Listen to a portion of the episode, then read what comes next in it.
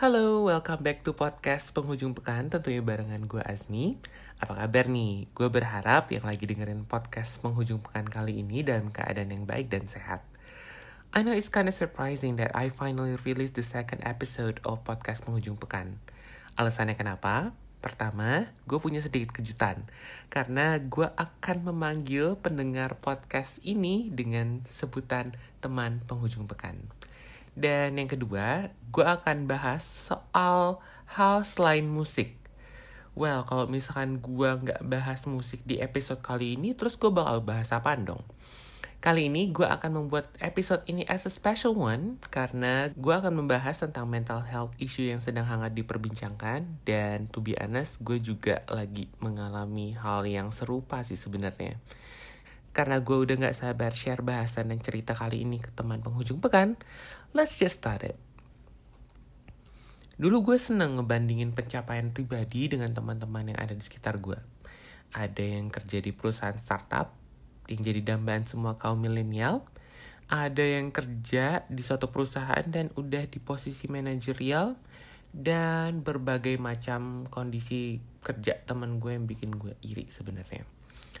Along the way, untuk mencari pencapaian yang lebih baik saat berkarir, menjadi kutu loncat dari satu perusahaan ke perusahaan lain adalah cara yang gue tempuh.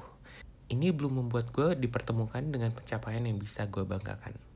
Mulai dari toxic working environment yang motonya swasta rasa PNS, sampai akhirnya gue pindah ke kantor yang pace-nya very fast. Kantor gue yang sekarang menempatkan gue at the lowest point of my career.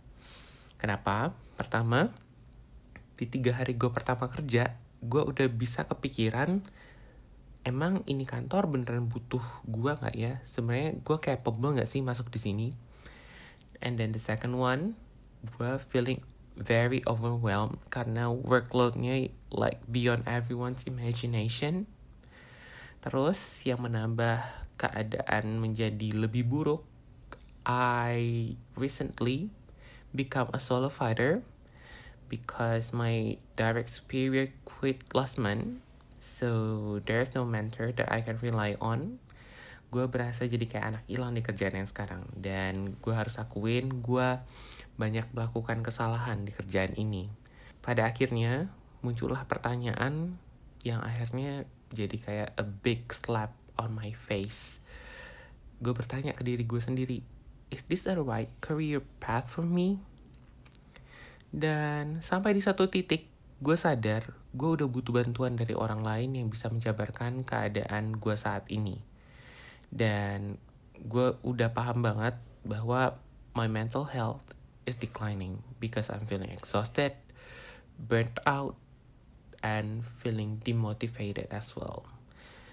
Udah saatnya gue udah lebih menjaga kesehatan mental gue. Cara menjaga kesehatan mental itu menurut gue kuncinya adalah how to compromise with our inner self. Semua kontrolnya ada di dalam diri lo, dan bisa dimulai dengan berbicara dengan diri lo sendiri secara proper. Ada lima kalimat afirmasi yang sering gue ucapkan ke diri gue sendiri.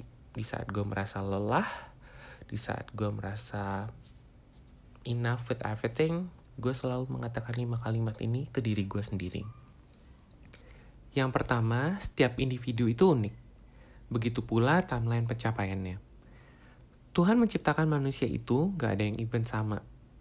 Percaya deh, even ada yang kembar pun, pasti ada yang bisa ngebedain antara satu kembar dengan kembar yang lain. Jadi, be proud of what you have, dan maksimalkan hal tersebut untuk mencapai hal yang lo mau. Dan jangan lupa, bersinarlah dengan caramu sendiri.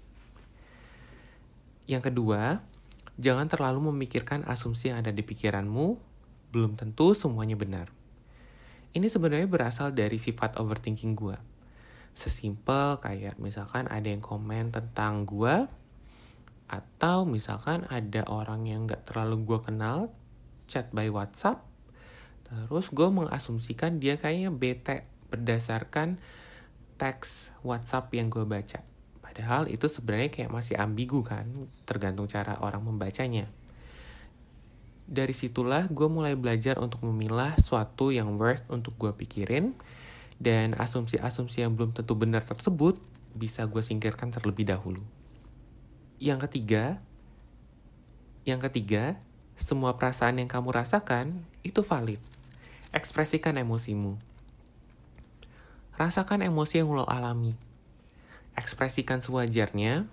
Kalau misalkan lo ngerasa bahagia, lo bisa tertawa atau tersenyum. Kalau misalkan lo ngerasa sedih, bersedihlah. Contohnya, lo bisa nangis. Ini terlepas dari apa pun gender lo, mau lo cewek, mau lo cowok, menangis itu wajar. Karena itu adalah salah satu bentuk mengekspresikan rasa sedih lo. Jadi, jangan sampai lo lupa cara untuk mengekspresikan emosi lo karena hal tersebut kalau sampai kejadian bisa sangat berbahaya untuk kesehatan mental lo. Yang keempat, membuat kesalahan itu diperbolehkan karena tidak ada manusia yang sempurna. Nih si perfeksionis yang lagi ngomong sekarang selalu takut buat ngelakuin kesalahan. Hingga kalimat afirmasi inilah yang mengubah gue dari yang awalnya perfeksionis banget sampai takut salah saat melakukan sesuatu, akhirnya merubah mindsetnya dan menjadi seorang pribadi yang lebih menerima kesalahan yang telah dibuat. Dari situlah gue belajar dari kesalahan tersebut, jadi gue gak akan melakukan kesalahan tersebut di masa depan. Kalimat afirmasi terakhir yang paling gue sering ucapkan ke diri gue sendiri dan men-sum up semuanya, yaitu nikmati prosesnya, karena ini adalah kesempatan gue untuk belajar menjadi orang yang lebih baik.